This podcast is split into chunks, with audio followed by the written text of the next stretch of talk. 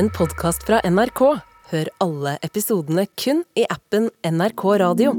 Det minner meg litt, dette diktet, om noe mammaen min alltid sa da jeg var liten. Hvis jeg ramla og slo meg, eller noe sånt, så sa hun liksom helt sånn Opp igjen.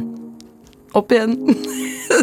og det høres litt hardt ut, men det er faktisk Det oppleves som noe som jeg har tatt med meg, liksom. Skuespiller og komiker Henriette Stenstrup skal dele et favorittdikt som har denne litt harde opp igjen-mentaliteten, som tydeligvis er noe Henriette har fått inn med morsmelka. Og det er også en moral som dukker opp i suksess-TV-serien Pernie, som eh, Henriette spiller hovedrollen i, og har skrevet manus til. Den handler om Pernie, alenemammaen, hverdagshelten som jobber i barnevernet, som ikke legger seg flat selv om hun møter på motgang. Hun reiser seg igjen og igjen, selv om hun møter på ganske mange humper på veien. Altså, jeg føler at dette diktet egentlig er litt sånn oppskriften på den uh, At den TV-serien handler litt om dette diktet, nærmest. Ja, altså det skjønner hvorfor du sier det. Det burde liksom stå på forsiden av manuset, egentlig. Fordi hun er jo helt klart en sånn type hverdagshelt som får til det her, og ikke legger seg til på divanen. Og eh, får saft, på en måte. Hva er, det, hva, hva er, det, du har med, Henriette Stensrup? Jeg har med Kolbein Falkeid. Eh, et dikt som heter 'Privat huskeregel'. Ja. Og det er fint, for det ligner på en liste. Og jeg er glad i lister. Du er den typen? Ja. Skal jeg lese det? Ja. Privat huskeregel. Du skal ikke klistre fine øyeblikk opp på veggen i tankene og forgylle dem med lengselen din. Du skal kjøre spettet hardt innunder arrete hverdager og vippe dem opp, én etter én. Det er derfor livet har deg på mannskapslista.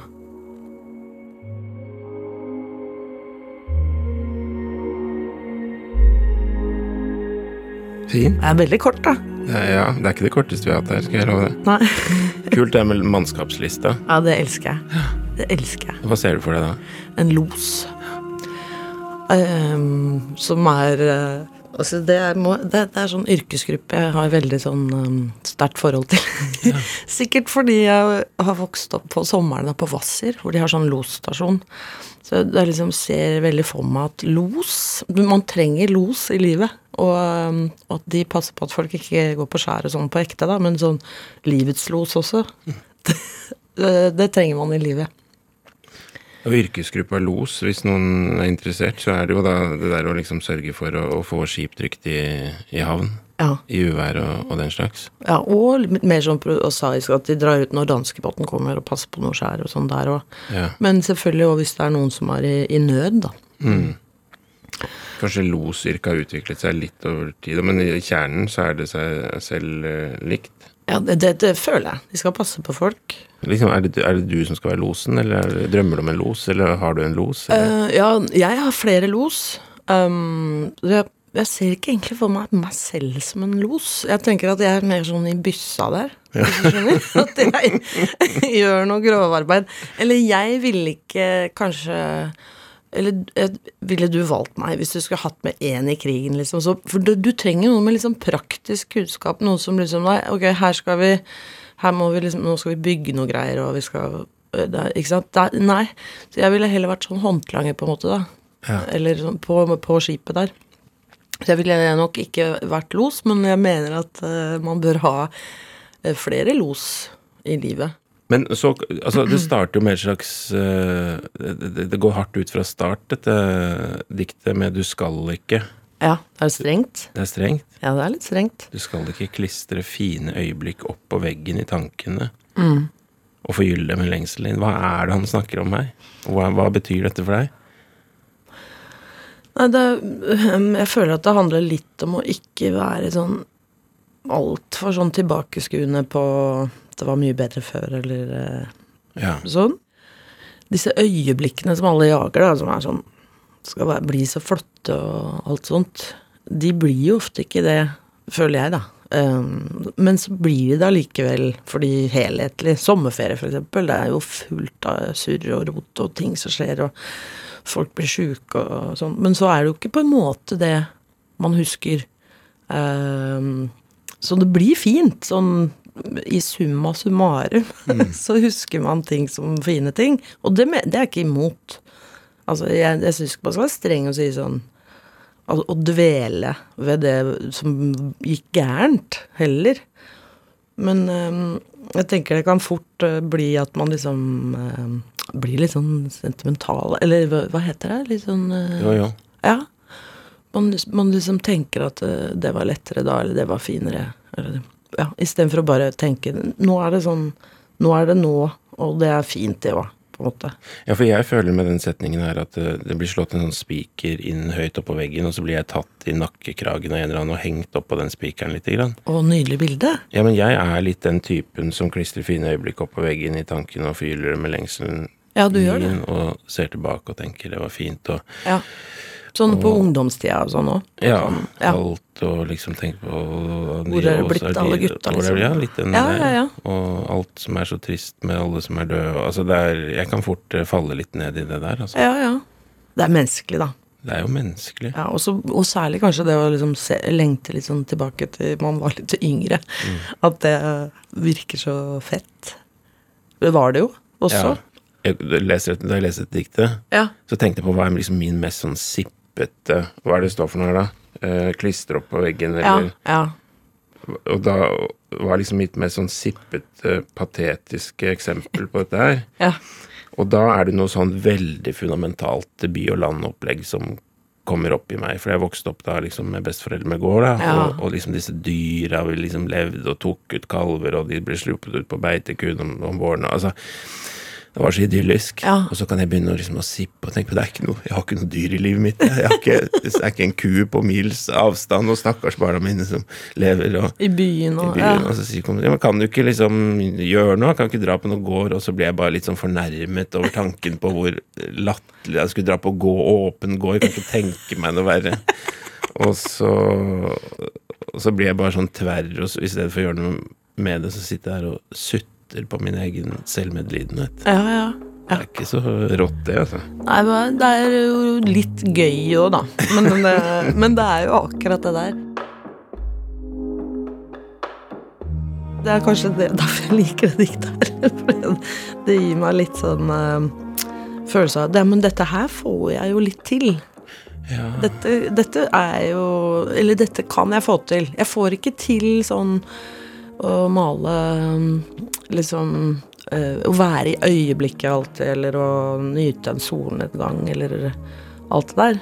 Men det å, å, å kjøre spettet hardt innunder arrete hverdager, der er jeg god. Det er du god. Ja, der føler jeg litt bedre. Det er kanskje det jeg liksom sier mest til ungene mine, for eksempel.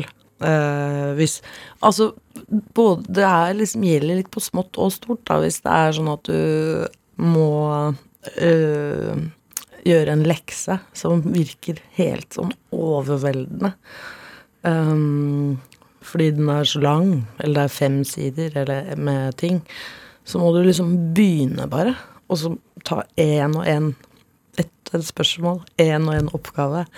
For det er den eneste måten du kanskje kan få gjort det på. For hvis du tar inn alt, så, så går det ikke. Og det gjelder jo litt òg for de store liksom tingene i livet. Hvis du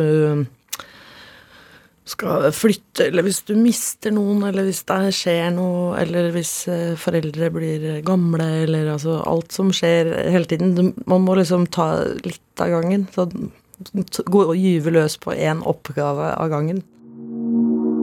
Diktet til Kolbein Falkeid om å kjøre spettet inn i hverdagen er kanskje litt strengt, men jeg liker at det oppfordrer oss til å ta tak i ting, ikke skygge unna.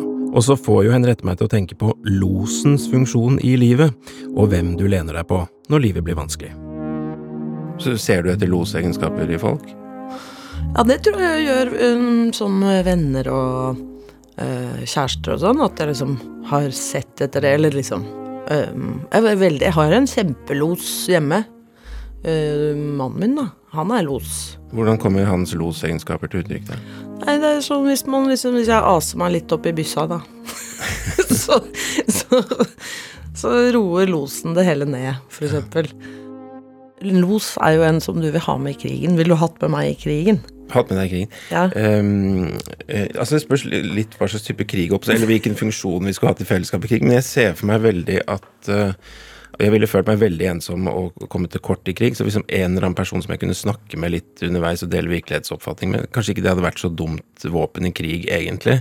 Så jeg ser for meg at vi kunne hatt noe bra prat og lagt strategi på vårt nivå Åh, i fellesskap litt. Så koselig. Så du ville hatt med meg. Så Jeg ville hatt med deg. Fordi Og- du tenker at jeg kan være ålreit å prate med? Ja, Også at vi da liksom kunne tatt en fot i bakken. Skal vi stikke av, liksom? Ja, ja. Eller har vi noe å gjøre dette her, eh, denne fremrykningen? Nå ble jeg litt rørt, jeg. Ja, men jeg, jeg, tror, jeg tror vi hadde fått til noe bra. Ja, det tror jeg òg. For det er, man trenger litt sånn comfort òg i, i krig. Ja, så kanskje vi faktisk kunne liksom fått frem losen i den andre lite grann. Ja. Det er noe med å steppe opp på Det For det bor jo nok gjennom. en los i, oss alle. Det tror jeg òg. det var sånn Nå er det frem med å få notert noen sitater. Det bor en Altså, hvis ikke det blir overskriften på nettsidene, så Det bor en los i oss alle. Henriette Stenstrup. Altså, det føler jeg kunne vært et sånt et. Det kunne vært et uh, opplegg. Henriette Stenstrup, tusen hjertelig takk for at du kom til denne diktdelingspodkasten. Nå skal jeg lese Kolbein Falkeids dikt 'Privat huskeregel' helt til slutt. Dette er nok noe mange av oss kan legge oss på minnet. Privat huskeregel. Du skal ikke klistre fine øyeblikk opp på veggen i tankene og forgylle dem med lengselen din. Du skal kjøre spettet hardt inn under arrete hverdager og vippe dem opp, én etter én. Det er derfor livet har deg på mannskapslista.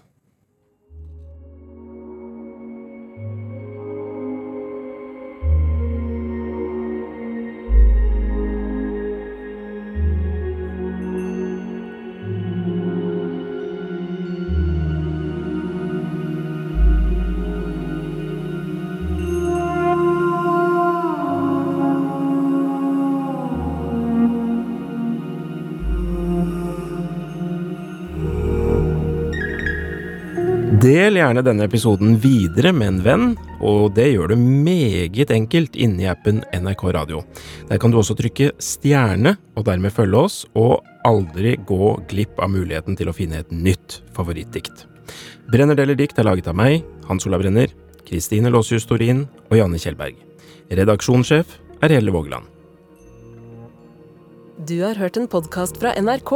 Hør alle episodene kun i appen NRK Radio.